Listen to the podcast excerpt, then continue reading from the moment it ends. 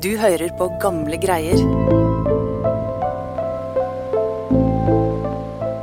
Nå har jeg lest og hørt om veldig mange gjøglere. Og de fleste forblir gjøglere hele sitt liv. Men han ga aldri opp. Langt utenfor allfarvei, sørvest i Russland denne vårdagen i 1844, foregår det noe forunderlig. Det er en landsby som nå har et kjempestort sirkustelt stående midt i. Eh, Det er ganske uvanlig syn for de ganske sultne, ganske fattige landsbyboerne i den eh, landsbyen. Og foran det sirkusteltet så står det en ung mann i 20-åra. Kjekk, sjarmerende, eh, morsom. Han snakker ikke noe særlig russisk, men man får følelsen av at han er en, en gøyal type. Eh, Han hopper rundt og danser litt og prøver å tiltrekke seg oppmerksomheten. Og det er ganske mange landsbyboere som blir veldig interessert i showet, selvfølgelig. Så de går rundt, selger seg rundt teltet. Og så prøver de å gå inn. Men han vil jo at de skal betale først, selvfølgelig. Så han sier nei, nei, dere må, dere må vente litt. Dere må betale. Men det er ikke landsbybeboerne med på. Så de stormer inn i teltet. De drar med seg den unge, kjekke sirkusdirektøren. Og eh, de binder han fast med noe tau de har. Og så heiser de han opp i eh, den midtstangen. Og så begynte de rett og slett å spise opp sirkuset hans. Hester er jo ganske obvious, det er jo det første man går etter. Det var eh, blant annet en svær bjørn. Det kan man jo spise. Og den siste som var en av dyra i sirkuset, det var tigeren. Den holdt stand ganske lenge. Men til slutt så måtte den også gi etter for det presset som disse rasende, sultne landsbyboerne utsatte den for. Og den eh, Jeg tror ikke man kan spise tiger, men jeg tror nok de dyra i landsbyen kunne kanskje spise tiger. Så den ble nok kasta på det kjempestore bålet, eller grillen, som de hadde fyrt opp utenfor teltet, de også. Så jeg ser for meg at sirkusdirektøren, den unge, kjekke, sjarmerende mannen, hang der oppe i midtstolpen og hørte på smattelydene fra landsbyboerne.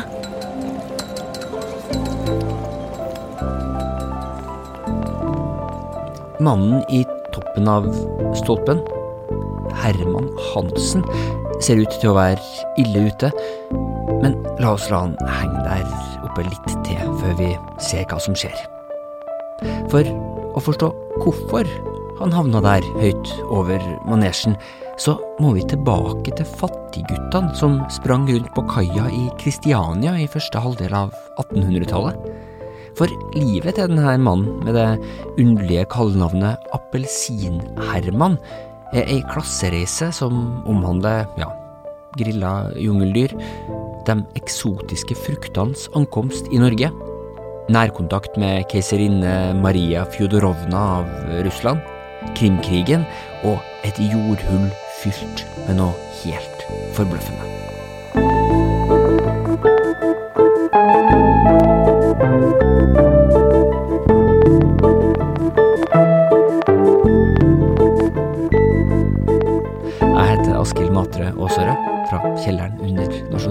Nasjonalbiblioteket i Oslo, hvor jeg leter frem dunkle drama og glemte liv fra Norges historie.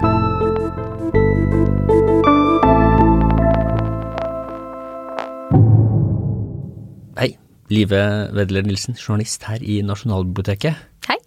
Du lager historier som egentlig ligner litt på dem jeg lager her i, i podkasten, bare at du jobber med tekst. Og så noen ganger så liker vi å, å slå oss sammen. Og det her er en, ja, ikke sant. Det er så koselig. Det kan være litt ensomt noen ganger nede i, i arkivene. Så det er trivelig å komme inn hit i min lille eh, kottet mitt her da under, under Nasjonalbiblioteket i, i Oslo. Det vi skal snakke om nå, det er en historie som du, du har funnet frem. Hvor var det egentlig du fant han? Appelsin-Herman? Ja, det var faktisk av kallenavnet hans. Det var fordi at jeg ble nysgjerrig på når man begynte å spise de ulike eksotiske fruktene i Norge. Så da begynte jeg å lese i avisarkivene. Altså når begynte man å annonsere for ananas og, og eh, sitron og, og appelsin, da. Og da dukka det opp en del avisartikler som omtalte en sagnomsust, legendarisk karakter eh, som de kalte for Appelsin-Herman. Jeg fant f.eks.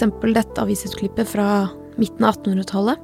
De fleste av våre lesere ville visstnok erindre en gutt som alminnelig gikk under navnet Appelsin-Herman, og som flere år siden bega seg herfra på en rundstreife.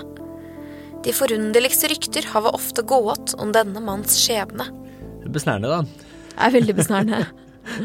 Og det er jo den her rundreisa som eh, til slutt skal, skal, lede an til det her eh, mulige sirkusangrepet i, i, Russland. Men la oss gå helt tilbake til starten mm. og det her kallenavnet. Altså, hvem var egentlig Appelsin-Herman, og hvor var det han kom ifra? Han kom fra Pipevika i Kristiania, dagens Oslo. Eller han var født der, av en skomaker. Men De flytta ganske tidlig til Lakkegata. Og den er Den var ganske lang på den tiden. Den strakk seg nordover fra Grønland eh, og et godt stykke lenger. Nå er det bare en liten bit igjen. Det er faktisk nabogata mi eh, på Grønland. Ja, Så det er der du går? Eh, ja, jeg går Lakkegata. Til, til banen og sånn, ja. ja.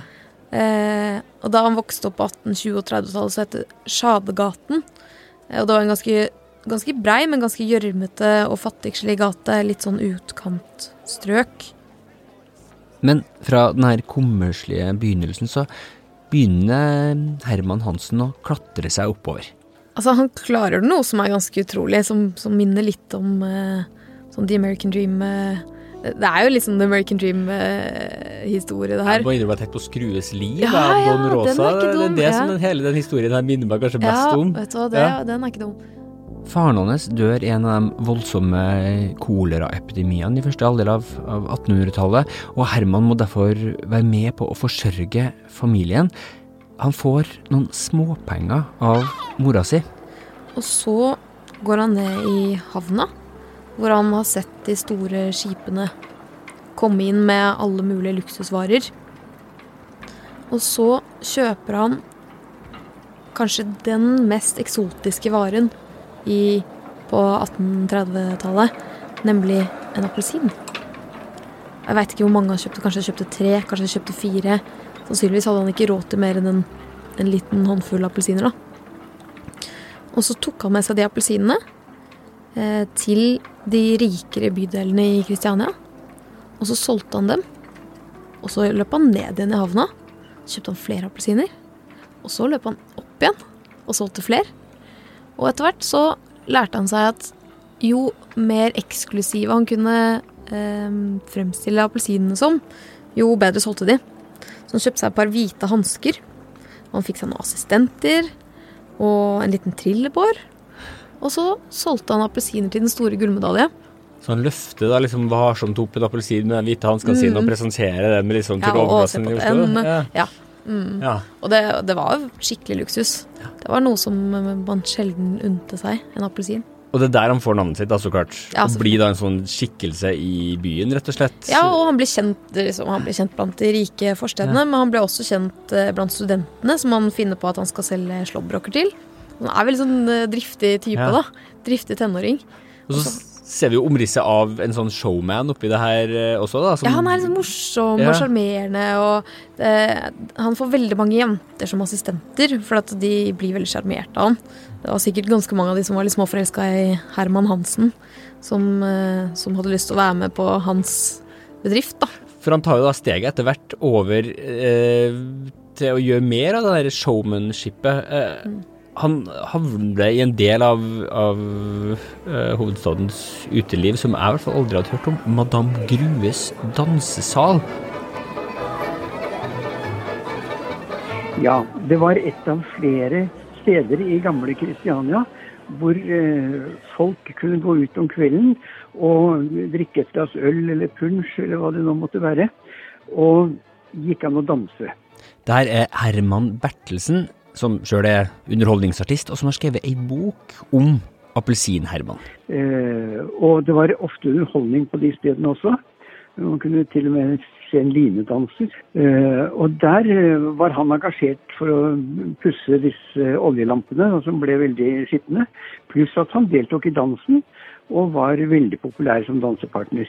Han blir billettselger, han stiger etter hvert i gradene, og han får kontakter i utelivet blant underholdningsimmigranter og kunstnere og håndverkere. Blant annet så ble han kjent med en, gipsmaker, som var en del av eh, et brødrepar som drev med gips, Guidotti-brødrene. Det sies at um, den ene av disse brødrene, han brukte levende modeller til alle figurene sine. Og han laget en god del dyreskulpturer så han måtte jo kjøpe inn disse dyra, da. Eller leie de inn, eller et eller annet. Så han, hadde masse dyr. Og Herman hadde jo en interesse for gjøglelivet og sirkus og menasjeri og, og hele den, den, nye pakka der, da. Underholdningslivet. Så han fikk da kjøpt Jeg lurer på om det var en pelikan først. Han fikk i hvert fall kjøpt et par dyr da, fra Guidotti som han kan plutselig eh, kalle et lite sirkus. Om du har hørt litt på gamle greier, så høres det kanskje litt kjent ut. For en stund tilbake så laga jeg og Live en episode som het Flukten fra Noas ark. Og den handla jo om et omreisende sånn dyremenasjeri. Men 100 år etter den hendelsen som denne episoden handla om. Hermans reise Ehm, er også en om mulig mer ekstrem historie enn historien om flukten fra Noas ark. Herman han eh, reiser rundt gjennom 1800-tallets eh, Norge og viser frem dyr og opptrer som gjøgler. Ja, og han gjør alt mulig. Han viser fram dyr, han eh, løper.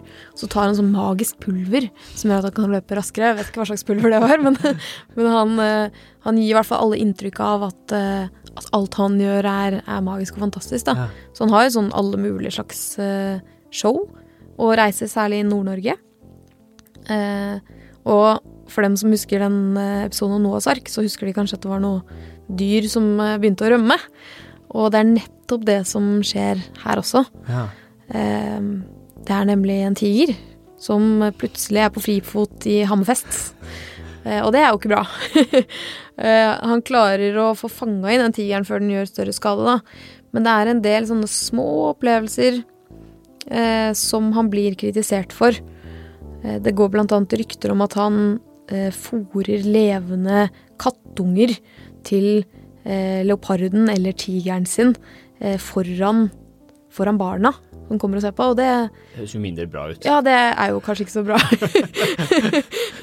Blant annet pga. reaksjoner på hvordan han behandla dyr, så skjer det noe som ikke er så ulikt det som skjedde med Noas ark. Snart så har han vanskelig for å samle publikum eller å få tillatelse til å sette opp sirkusteltet sitt, så da han møter en russisk skipper, så slår han seg med og reiser østover.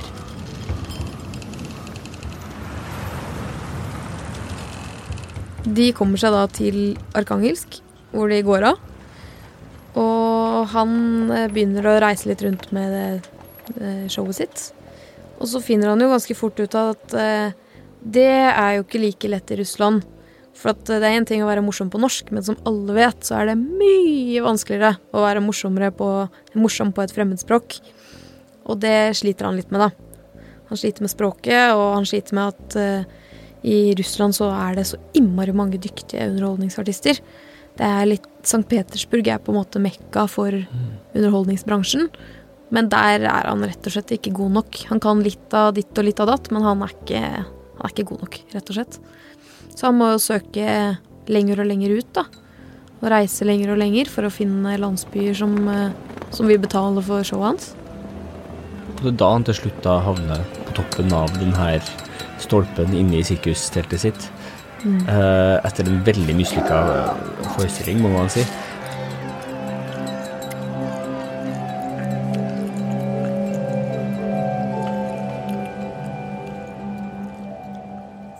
Hva tenker du, for det er jo en ganske vanvittig historie. Ja. Og Appelsin-Herman i seg sjøl er jo en, en, skikkelse som vi vet masse fakta om, men som det også er fabulert mye om. Mm. Hva tenker du om denne hendelsen, som jo da blir spunnet som kanskje den sentrale hendelsen i Appelsin-Hermans liv i ettertid? Ja, øh, jeg syns jo bare Jeg har så lyst til at den skal være sann. den er jo så utrolig. Herman Bertelsen, som også har skrevet boka om Appelsin-Herman, har forsøkt å skille sannhet og løgn fra hverandre, men det er vanskelig. Jeg har skrevet som det er, at eh, den episoden har jeg fra en gammel avisartikkel. Og jeg vet ikke, kan ikke stole mer på den jeg enn det du kan, for å si det sånn. Og det har jeg også tatt forbehold om i boken. Og jeg har også prøvd å etterspore den byen som dette skulle ha foregått i og den finnes ikke i russiske kart. Så det er mulig at det er en eh, laget historie. Men i likhet med mange anekdoter, så har den kanskje en snev av sannhet i seg. Og det er jo det som fascinerer så innmari med hele livshistorien til Appelsin-Herman, at det er en sånn historie, en utrolig historie fra fortiden. Mm. Eh, om et liv som man nesten ikke skulle tro at det var mulig å leve, da. Men jeg heller vel litt mot at jeg kanskje tror at det ikke er sant. Mm. Hva med deg? Ja, det, det, Når vi får høre resten av historien, så tenker jeg kanskje at det må være et skalkeskjul for noe som er litt mer grumsete. Ja, kanskje. For hva er det som skjer, sånn som historien blir gjenfortalt da i ettertid? Ja, altså Den illsinte, frådende, kjempesultne landsbyen har jo da spist opp hele sirkuset til Herman. Og de har tent opp et stort bål, de sitter sikkert ute og prater og koser seg og, og tygger litt eh, Fyller opp i hjørnene, tygger litt på, på restene. Eh, og han henger da der oppe i taket. Men han har jo to medhjelpere. Og når eh, teltet nå er tømt for både eh, folk og dyr, så firer de han ned. Og så lister de seg ut. De tar ikke med seg nesten noe, ifølge fortellingen, da. Eh, og så eh, haster de tilbake til det stedet der hvor de lurt nok hadde gravd ned verdisakene sine før de gikk inn. Og, og her er jo kanskje et tegn på at, eh, at noe skurrer litt med fortellingen, da, for det er, så, det er så utrolig. De hadde nemlig gravd ned verdisakene sine på et tilfeldig sted utenfor landsbyen, etter å ha blitt advart om at de kanskje kunne bli røvet i landsbyen fordi folk var så fattige. Og så går historien slik at Appelsin-Herman eh, åpnet det lille hullet som han hadde gravet. Og så stakk han hånda ned, og så kjente han noen, noen underlige steiner. Og når han da trakk opp hånden, så så han noen utrolig vakre, blanke, digre diamanter. Herlighet, så han har tilfeldigvis funnet Er det en diamantgruve, eller er det noen andres uh, etterlatte diamanter, eller hva er det han, han, påstår at han fant? Det er uh, en diamantgruve, eller altså et større område hvor det var diamanter, slik som det blir uh, beskrevet, i hvert fall, i blant annet den boka til Herman Bertelsen. Um, og da Eh, da drar han jo selvfølgelig tilbake dit for å finne flere. Og han blir jo plutselig ganske holden type. Ganske holden mann. Der endrer en, ting ganske radikalt. Ja. ja. Og han er jo ikke, han har ikke fylt 30 ennå. Han er ganske tidlig i 20-åra, faktisk. Og han har blitt eh, diamant... Eh, ja, om det er eh, millionær, eller i hvert fall tusenionær.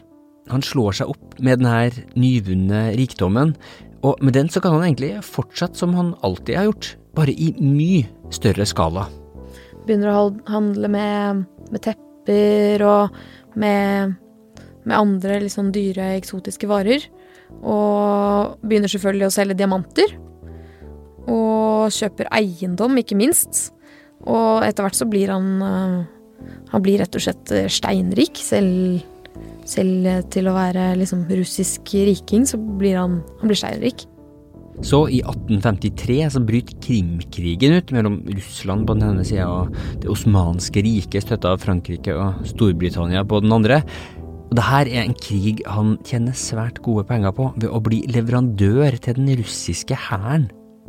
Så nå driver han med, han driver med eiendom, han har masse eiendom i bl.a. St. Petersburg. Og han driver med diamanter, som han bl.a. selger til den russiske tsarinaen, som er veldig fan av smykkene hans. Ja, de var, eh, de var nesten omgangsvenner, da. fordi at eh, det startet vel med at hun begynte å handle i butikken hans. Han hadde jo en butikk midt på Nevskij prospekt eh, i St. Petersburg. Og det huset, det ligger der den dag i dag. Og han bodde selv oppe i etasjene.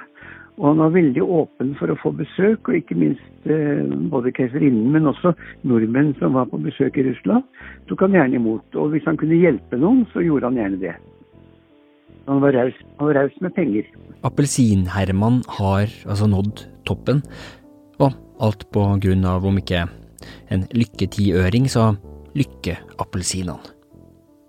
På bilder fra den andre halvdelen av, av 1800-tallet så ser en ikke en gateselger fra Kristiania, men en ærverdig, litt rund overklasseherre med frisert bart og et rolig, men sterkt blikk. Men som med Skrue McDuck så gir ikke pengene nødvendigvis Appelsin-Herman automatisk glede. Han lever et kaotisk familieliv. Og han hadde jo en del kontakter i militæret, som blir kjent med en offiser som er ganske relativt fattig, og bor sammen med datteren sin, som er, hold fast, 17 år gammel. Det stopper ikke Appelsin-Herman fra å innlede et forhold med henne. Eh, så de gifter seg, og så får de to barn sammen i St. Petersburg. Men eh, det tar ikke så veldig mange år før hun begynner å gå litt lei, da. Eh, og er utro. Og det finner hun han ut av og da kaster han henne på dør. Hun tar med seg den ene av deres to sønner, og Appelsin-Herman sitter igjen med den andre.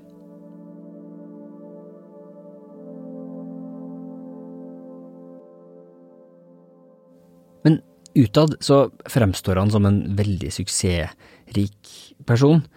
Når han reiser tilbake til Norge en sjelden gang, så flommer det over i avisspaltene av beskrivelser av den mystiske nordmannen som har vendt hjem.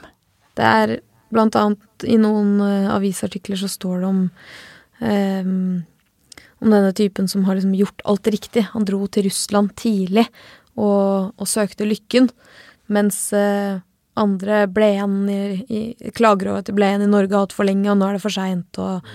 Men en som hadde vært igjen i Norge, og samtidig gjort det bra, var søstera til Appelsin-Herman, Martina Hansen.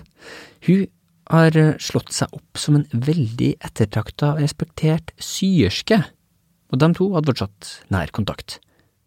Så når Appelsin-Herman dør, 72 år gammel i 1892, så arver hun store deler av formuen hans det, det, er en ganske betydelig sum da, som, som, tilfaller henne. Og dette er jo også på slutten av livet hennes. Hun begynner å bli gam, ganske gammel, og eh, det blir viktig for henne å sette opp et testamente. Eh, og etter veldig mye drama og kluss, så får hun da satt av blant annet noen penger som skal gå til et hospital. Og det eh, hospitalet, det ble bygget etter hennes død og det heter da Martine Hansens hospital, så oppkalt etter henne. Det står jo da en byste av henne ute i gården, og jeg sa det at det må jo stå en byste av Appelsin-Herman også, for det var jo hans penger. Og det har de laget. Det er en byste av han også der, ja? Det visste jeg faktisk ikke. Nei, den står inne. Sist jeg så den, så sto den inne i resepsjonen. Og jeg var med på avdukningen av den. Sånn sett så lever appelsin- og diamantformuen videre i dag, og det gjør også myten om Appelsin-Hermans bedrifter. Nå har jeg lest og hørt om veldig mange gjøglere, og de fleste forblir gjøglere hele sitt liv. Men han ga aldri opp, så når han da måtte slutte med gjøglelivet, så fant han straks noe annet å leve av og tjene penger på, og, og slo seg opp. Og liksom dette med å aldri gi opp, det tror jeg er noe av det mest fascinerende med han. Han finner, ser muligheter hele tiden.